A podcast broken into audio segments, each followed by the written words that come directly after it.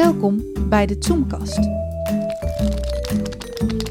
Uw maandelijkse boekenclub over goede en minder goede literatuur. Hier is uw presentator, Willem Goedhart. Zeg dat nog eens, dat is leuk voor in de leader. Wat erg. Recording. Zal ik maar wat gaan eh, vertellen? Ja. Hallo allemaal en weer van harte welkom bij alweer een nieuwe aflevering van de Zoomcast, de Zoomcast. We gaan er gewoon weer door op deze digitale weg met beeld, met geluid, wat je maar wilt. En eh, het literaire voorjaar is nog altijd bijzonder mager. De reden daarvoor is bekend, de coronacrisis. Dus daarom hebben wij in onze drie jaar besloten om eens wat anders te doen. In plaats van dat we een Nederlandse roman gaan bespreken en beoordelen, gooien we het over een andere boeg. En we gaan het hebben over poëzie. Ja, ja, Wat een eindelijk. afstemming. Wat heb je ook gezegd? Het is net alsof dit een soort uitweg is. Ja, Zo-. Er is vast, ni- vast niks, dus we doen poëzie. Zo werkt het natuurlijk niet, Willem, want we zijn allemaal dol op poëzie. Maar ehm, de, de vraag is, er staat helemaal geen poëzie op. Dus er is, er is helemaal geen genre daar in poëzie. Oh, is dat zo? Ik heb niet naar. Ja, er staat. Godverdomme, daar kom je nu mee, Wat Koen. is de neurcode? 306, dat is geen eh, proza. Dat, eh, Nee, 301 is. Ik denk, wat is 306? Weet je dat, of dat poëzie is, Koen? Nee, weet ik niet. zal toch wel. Ik Denk het wel. Nou, dat komt goed uit, want ook als je niet van poëzie houdt, kun je dan dus gewoon blijven luisteren deze aflevering. We gaan het hebben over een nieuw bundel, dan wel boekje van Tjitske Jansen, getiteld Iedereen moet ergens zijn. Het verschenen bij Querido. En eh, we hebben dat gelezen en we gaan eens even kijken of we dat kunnen duiden en vooral ook wat we ervan vonden. En dan beginnen we, zoals u van ons gewend bent, met de auteur, Tjitske Jansen. Wie kan haar eh, voorstellen aan het publiek, voor de mensen die haar niet kennen? Roos heeft haar nog uitgenodigd voor Dichters in de Prinsentuin. Nou, ik, heb, ik zat me dat net af te vragen. Ik heb haar wel inderdaad verschillende keren uitgenodigd. Maar eh, toen ik de Prinsentuin eh organiseerde, is zij volgens mij nooit geweest. Nou, Het moet daarna geweest zijn, maar ik ben wel. eh, zij, zij debuteerde in 2003 met een, met een bundel die enorm aansloeg. Het moest maar eens gaan sneeuwen. En nou ja, dat was een soort daverende entree in de, poëziewereld. En 12.500 verkochte exemplaren. 20.000. eh, 20? Ja, ik zag het er- ergens staan vandaag. eh. dat Nee, is- oh, dat is het. De eerste, het, het eerste gedicht van haar nieuwe bundel, Iedereen moet ergens zijn. Dat gaat over een eh Facebookpagina, waar zij de of een Wikipedia-pagina, waar zij de tekst van verandert. Ja. En eh, dus tikte ik eh, vandaag eventjes die Wikipedia-pagina in. En daar stond 20.000 exemplaren. En de inhoud, daar krijg je al gelijk. Dan kun je die dichteres direct alweer betrappen op allerlei fouten. Want wat ze hier schrijft, nou, dat is gewoon niet waar. Die tekst die ze zogenaamd heeft verwijderd of vervangen, die staat er nu weer. Dus, dat kan nog Dat- steeds. Dat, Dat komt, staat volgens mij ook aan het einde van dat eh, gedicht, eh, Roos. Ja, ja. Oh ja, dat, heb ik, het, heb ik het nou verklapt? dank je Willem. Ik vind het wel een verwarrend begin, maar ga maar door. We moeten het denk ik straks nog wel even over het openingsgedicht Ja. hebben. Dat vind ik wel heel mooi hoor, binnen die bundel eh, van haar.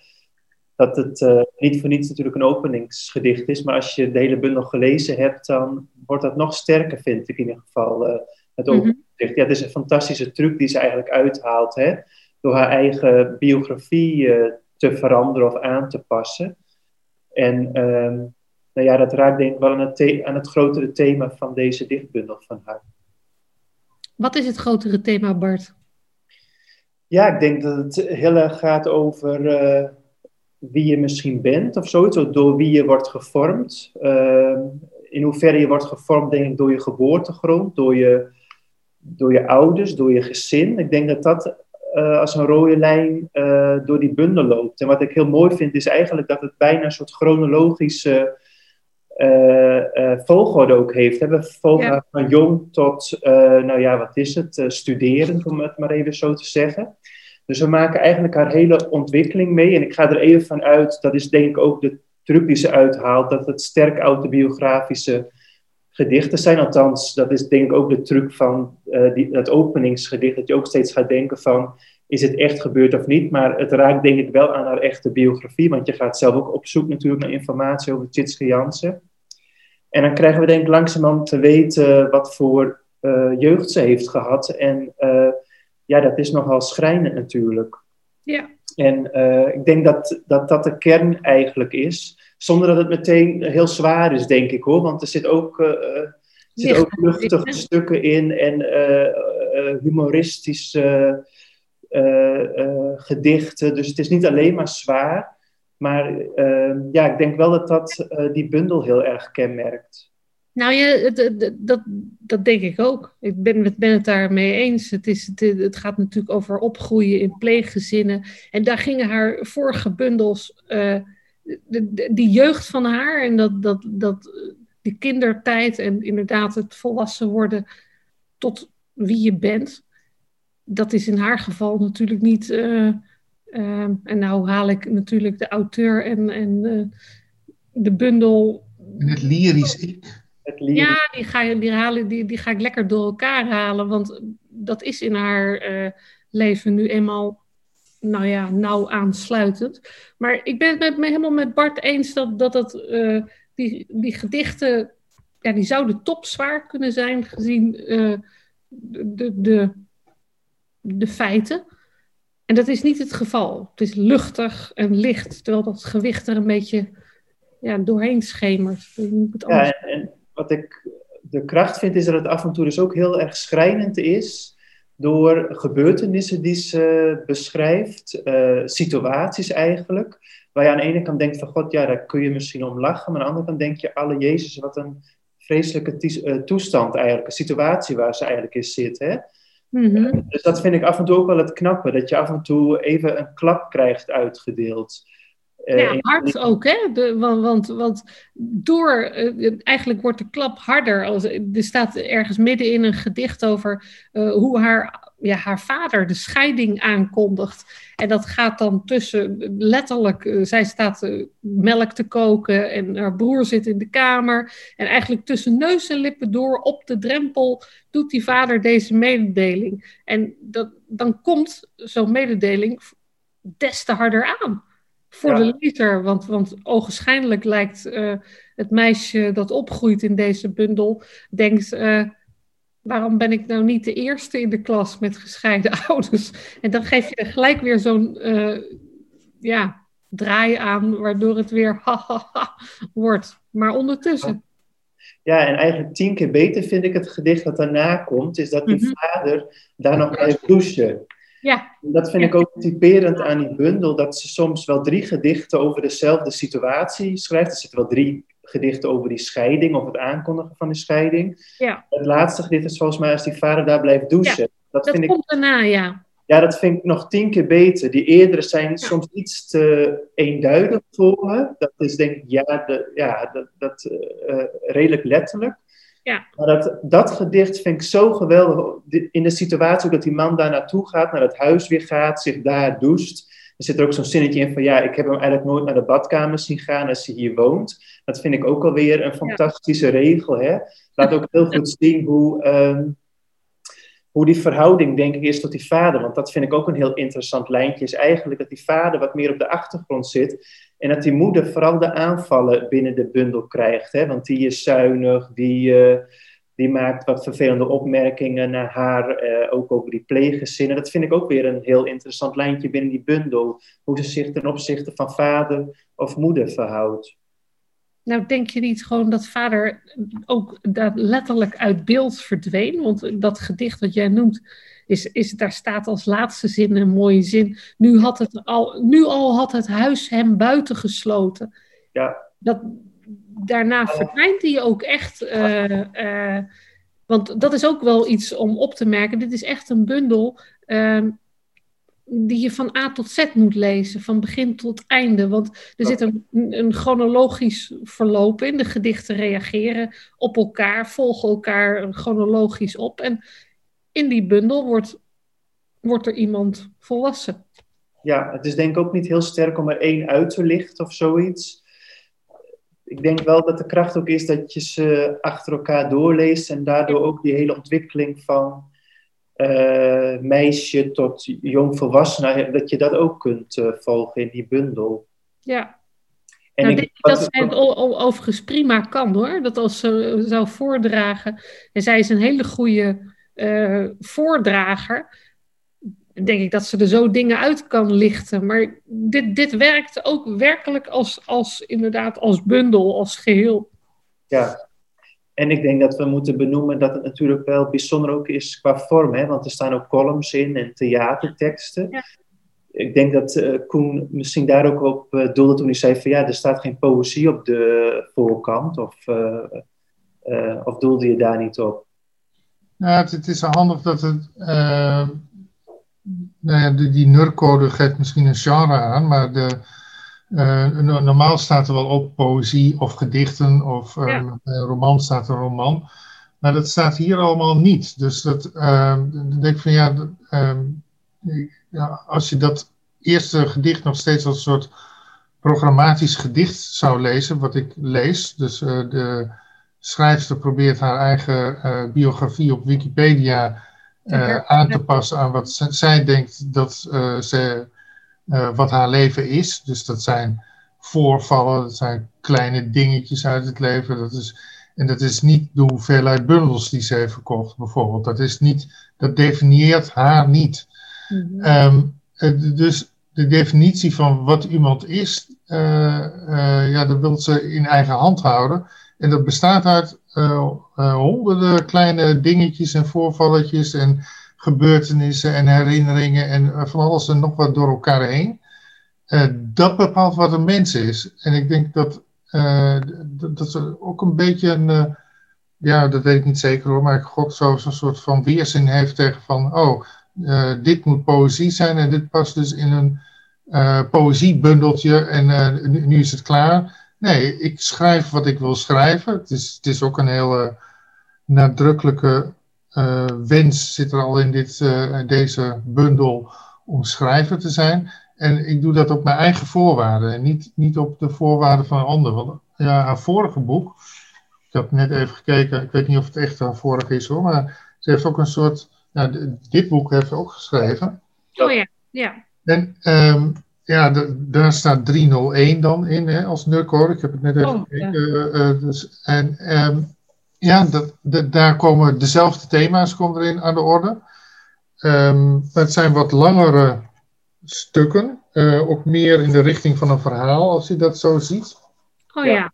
maar dus op de pagina op uh, vormgegeven als verhaal. Ja. Want uh, hoe je het ook nou, interpreteert, het, dit is vormgegeven als poëzie. Ja, dus dat, ja, terwijl die bundel van, die we nu hebben, dat ja, lijkt een soort van ingekookte uh, versies te zijn van wat hierin staat. Ja. Niet hetzelfde, maar wel ongeveer dezelfde methodiek.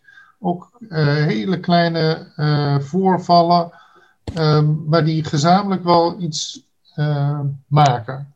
Dus ik, denk, ik denk dat, ja, dat het een beetje in die hoek zit. En daar, daarom is het ook gevaarlijk om het te bespreken als afzonderlijke gedichten of zo. Dat, omdat, ja, wat jullie ook al zeiden, van, het haakt allemaal in elkaar. Ja, want die columns staan natuurlijk ook weer, hè, die, die pas ook, sluiten heel erg aan bij het thema natuurlijk.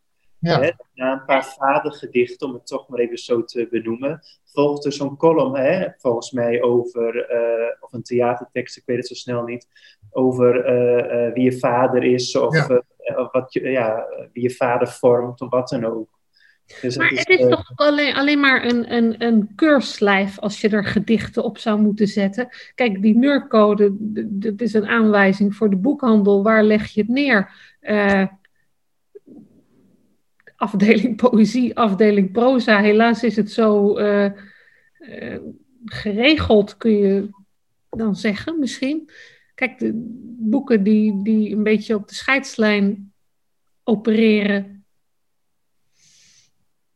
moeilijk in te delen. Het, mij maakt het niet uit. Ik denk dat het de meeste lezers niet uitmaakt. Uh, nee. haar, haar poëzie is heel erg proza-achtig. Hè? Het is, het is uh, ja.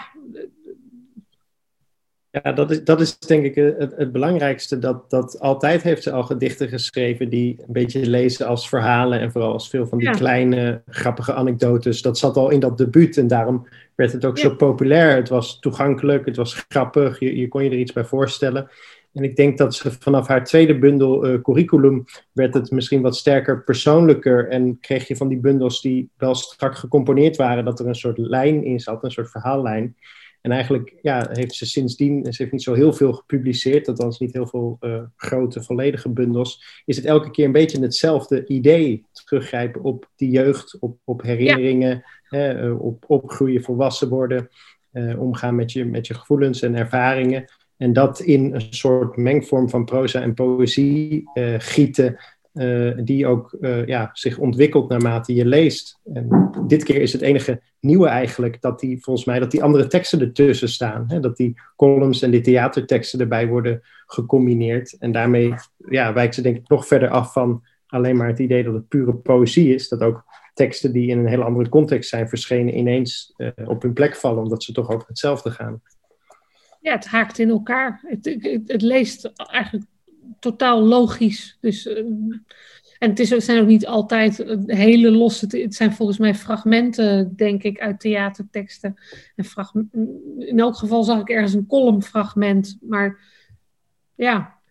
Hadden, jullie bij het lezen niet het, uh, de, de ervaring, want dat had ik vanmiddag heel erg, dat ja, uh, je leest het en het heeft betrekking op haar, maar je gaat ook heel vaak direct naar je eigen leven toe en, en denkt van, ja, uh, hoe, hoe zat het ook alweer bij mij op school en hoe, uh, nou, hoe gingen die mensen met elkaar om of hun vrienden, wat is vriendschap? En, dus heel vaak haakt het aan iets, de, ja, aan iets van jezelf. Ja, het wordt wel groot, of het is niet een, is niet navelstaderij in die zin, dat het ook uh, uh, ja, het raakt jezelf natuurlijk ook die thematiek. In die zin. Ja, maar, maar, maar het is in, nou, je zegt navelstaarderij. Dat, dat, dat is het inderdaad niet. Maar het zijn wel, uh, dat, dat vind ik het knappe. Het zijn hele concrete, kleine voorvalletjes of dingen waarover ze zich verwondert. Die eigenlijk juist door hun uh, concreetheid en eigenlijk hoogst privé die weer universeel worden. En dan krijg je volgens mij inderdaad wat Koen zegt. Eh, dan slaan ze op ons allemaal. Want iedereen heeft dit soort verwonderingen. Ik vind trouwens overigens dat deze hele bundel één groot pleidooi is voor verwondering. Uh, voor ja, nieuwsgierig en, en oprechte wereld uh, ja, en ik. Denk ja, ja. zweverig, maar... Nee, nee toch? Uh... Nee, maar ik bedoel wat ik nu ga zeggen. Klinkt wat oh, okay. zo bijna zo van dat je kunt zijn wie je uh, wilt zijn. Hè? Of dat het goed is wie je bent, laat ik het zo zeggen. Want de verschillende, het is opgedeeld in drie of vier afdelingen. Maar het begint ook steeds met een soort boom, hè, die juist heel krachtig is zoals die is. Dus uh, wat is het ook alweer?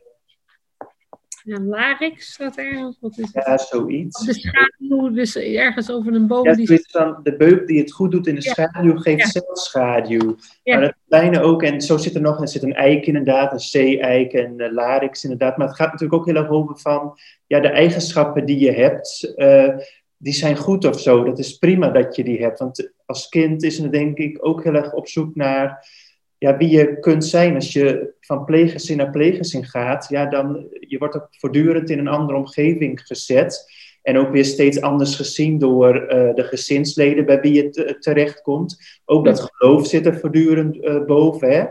Dus een beetje denken aan Stefan Ente weer, hè? Barneveld, het christelijke Barneveld, dat ook heel erg een stempel drukte op, uh, nou ja, op de ik-figuur in, in, deze gedichten.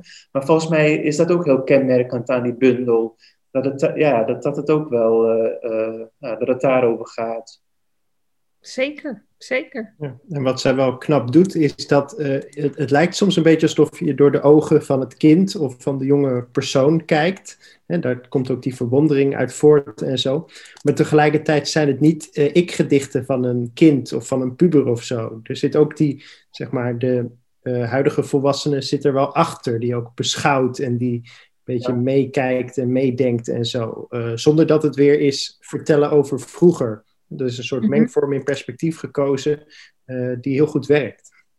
Ja, het is ogenschijnlijk eenvoudig, maar het is, het is verre van kinderlijk.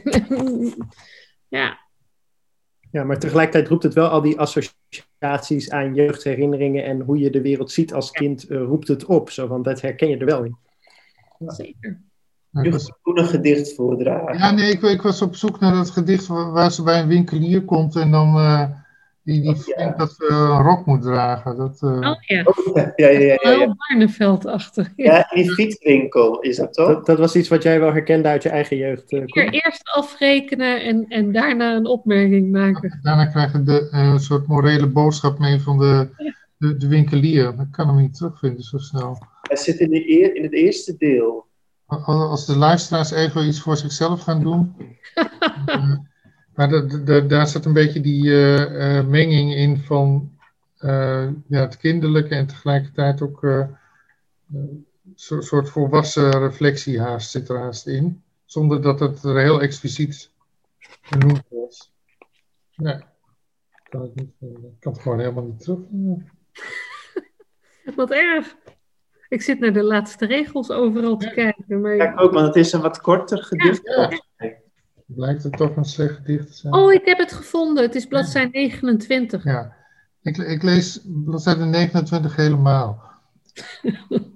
De kerk en de Bijbelverhalen maakten deel uit van het Barneveldse leven, zoals springtouwen, elastieken en sneeuwbessenstruiken onderweg naar school dat deden.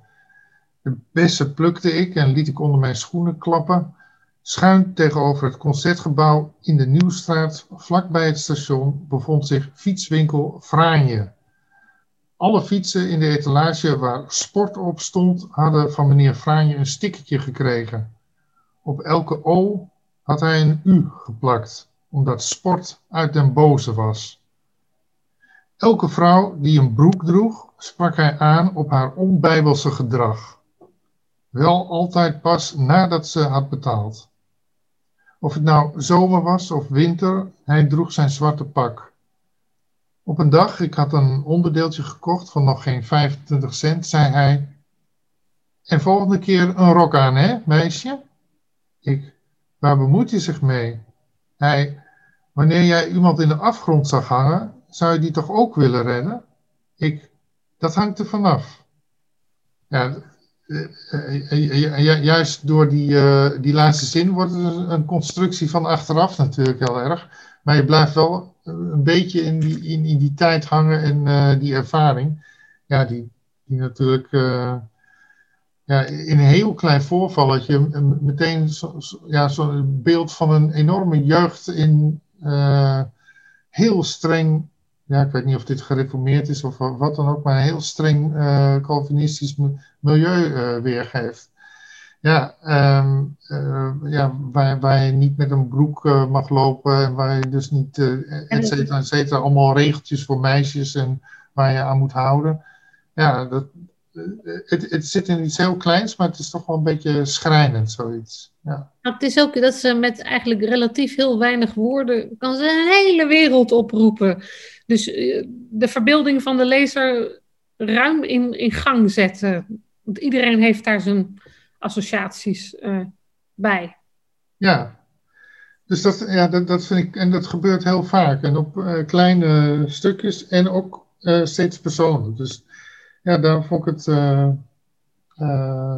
ja, ondanks dat het allemaal vrij normale woorden zijn, het is, je ziet bijna nooit uh, dat er een, een, beeldspraak of zo in zit. bijna niet. Dus, uh, af en toe wel hoor. Maar het is ook niet heel erg bijzonder uh, dat je denkt, nou, nou, nu hebben we toch eens even, wordt er even dichtelijk uitgepakt of zoiets. Of vormexperiment of dat soort dingen. Nee. Nee, het, dus, het oogt eenvoudig, hè? Het oogt heel erg eenvoudig en toch, ja, het komt wel goed binnen, laat maar zeggen. Dus ik moest af en toe denken van, nou, moet ik hem even weer wegleggen en even tien minuten iets anders doen en dan ga ik weer verder met lezen. Dus dat, tenminste, was mijn ervaring. En dan, dan, dan lezen wij het nu allemaal, terwijl zij volgens mij, al, althans, uh, ik weet niet hoe dat nu is, maar zij heeft echt altijd enorm veel publiek voor zich gewonnen, ook door haar voordrachten. Want dit is poëzie die zich natuurlijk bij uitstek ook leent om te worden voorgedragen. En zij kan dat ook heel goed. Echt een performer. Dus, uh... Ja, dacht ik net ook even toen Koen weer voordroeg. Ik denk, ja, als je dat zo hoort, is het nog krachtiger.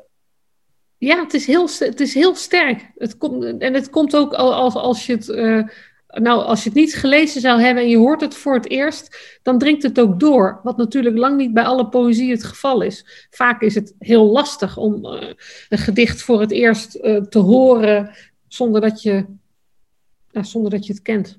Ja, Jean-Pierre Wie had deze week in HP De Tijd een opmerking over de Nederlandse poëzie, dat hij daar de contemporaine Nederlandse poëzie dat hij daar helemaal niets uh, uh, van begreep. Terwijl hij toch wel uh, poëzie uit allerlei eeuwen voorheen en uit allerlei talen wel snapte.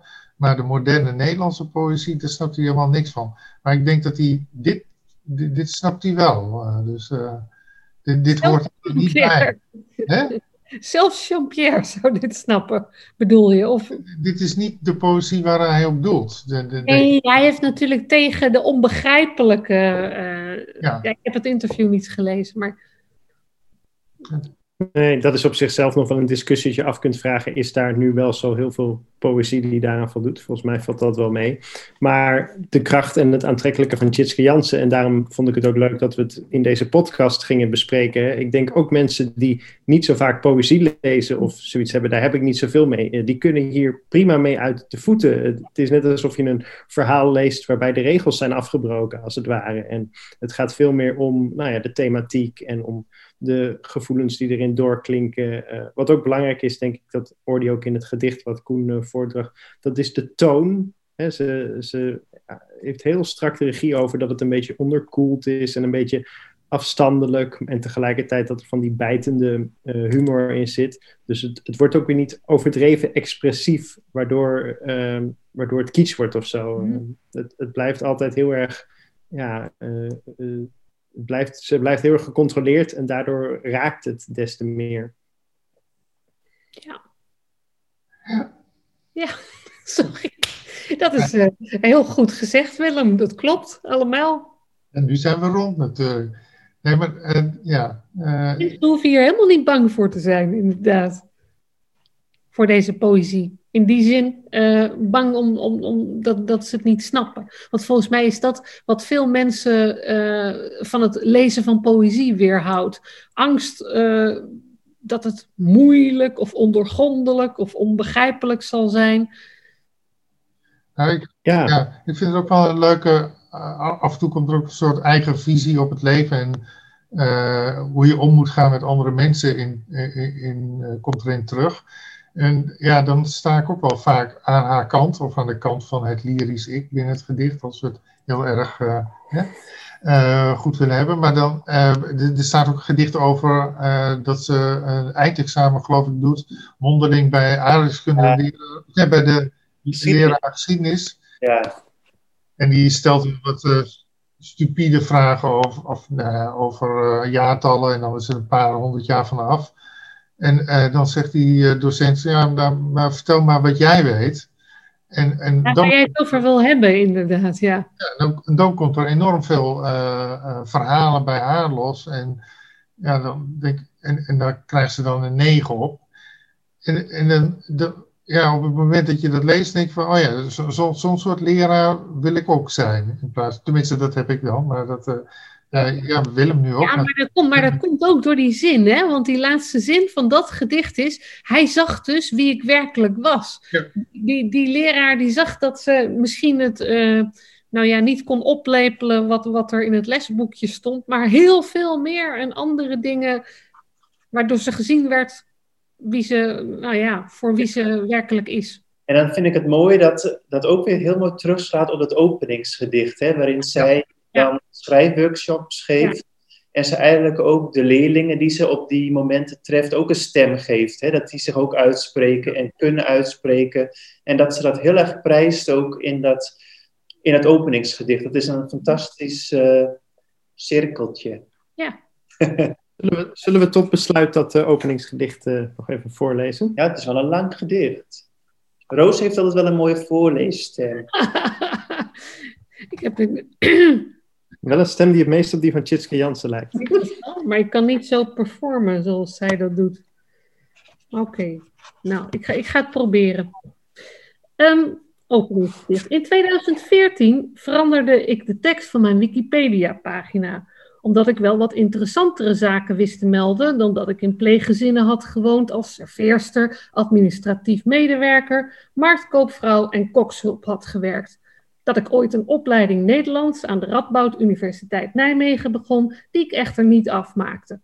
Hoeveel exemplaren er van mijn debuutbundel waren verkocht, hoe groot mijn invloed is geweest op dichters na mij. Ik heb de bestaande tekst weggehaald en vervangen door een nieuwe. Nu konden bezoekers van mijn Wikipedia-pagina lezen dat ik tussen mei 2008 en januari 2011 in Samye Ling verbleef, een boeddhistisch centrum in Schotland. Daar leerden ze van een Engelse oud-officier van 95 hoe je een goede curry maakt. En Jansen woont in het Willem Witsenhuis, waar schilder, fotograaf en schrijver Willem Witsen van 1891 tot zijn dood in 1923 woonde en werkte. In de tuin is nog het kakhuisje met gat in de vloer, waarboven Van Ede, Kloos, Breitner, Isaac Israëls en Neschio gehurkt hebben gezeten. En op haar koelkast hangen de afbeeldingen van twee vrouwen naast elkaar, Patty Smith en Corrie Koelewijn. Ik vermeldde met welke muzikanten ik had samengewerkt, Martin Fonsen, Jasper Leclerc, Corrie van Binsbergen, Jeroen Zeilstra, Rutger Zuiderveld, Roos Rebergen, Loes en René Wijnhoven. Ik noemde de teksten die ik schreef voor het Wilde Oog, vermeldde de samenwerking met beeldend kunstenaars Jeroen IJsinga en Marcus Vater, over mijn Pontiac Simpatico met groene wijzerplaat, raakte ze kwijt in Praag, ze liet hem liggen in de sauna. Sindsdien draagt ze geen horloge meer.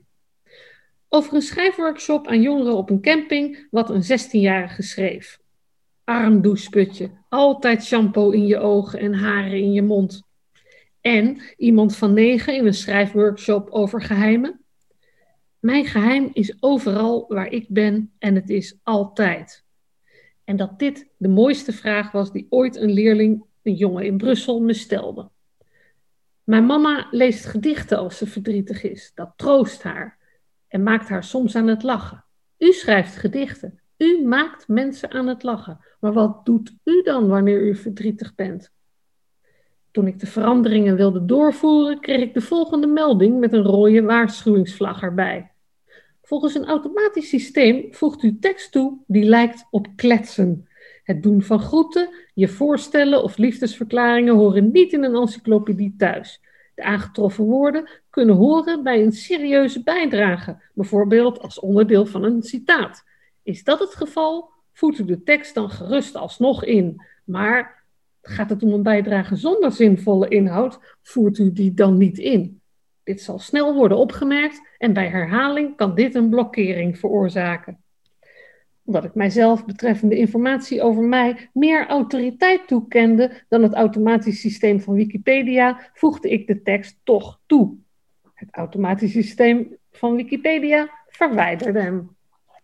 Nou, dat is dus zo tot op de dag van vandaag. Ja, dus Tjitske Jansen, uitgesproken ja, dit is, dit is, dit is. Heel, heel mooi. Alright, volgens mij zijn we rond, hè? Zeker. Lezen die bundel dus. Ja, en hopelijk ook uh, Tjitske Jansen ergens gaan uh, zien en horen als uh, performer. Ja, ja, zeker. Er is in ieder geval op YouTube het nodige te vinden uit, uit oude bundels. Dat is leuk, ook met muziek erbij. Dat, dat doet ze ook goed. En, wie weet, wat denken jullie? Prinsentuin, gaan we het redden? De zomer, vanaf, gaat die door? Vanaf juli mogen er weer evenementen worden georganiseerd. Althans, makers worden in elk geval gecompenseerd als een evenement dan niet doorgaat. Dus ik hoop en verwacht toch dat uh, de organisatie die Dichters in de Prinsentuin nu, nu, uh, organiseert, dat die toch serieus daarmee aan de slag gaan. Ik verwacht het eigenlijk wel. En dat ze Jansen uitnodigen. Nou ja, ze, ze, nodigen toch heel vaak mensen uit, dichters uit, die, die recentelijk met, met nieuw werk naar, naar buiten zijn gekomen. Dus dat is niet onaannemelijk dat Jitske Jansen. eh, het zou leuk zijn. En anders eh, laat dit, laat dit een tip zijn van eh, het Zoomcast panel, toch? Wij tippen Jitske Jansen. Ja, Alright. Hey, eh, dank jullie wel, eh, Koen, Bart en eh, Roos, weer voor al deze bijdrage. En hopelijk hebben we de luisteraar ervan overtuigd om deze bundel en anders nog heel veel andere mooie poëzie te gaan lezen. Eh, dat was hem eh, voor nu. We zijn er eh, volgende keer weer. En dan gaan we ook weer iets eh, bijzonders en iets aparts doen. Oh ja? Gaan we dat alvast verklappen? Of, of doen we dat als... eh, Wat dan? Wat doen we dan? nou, doe maar, doe maar, Willem.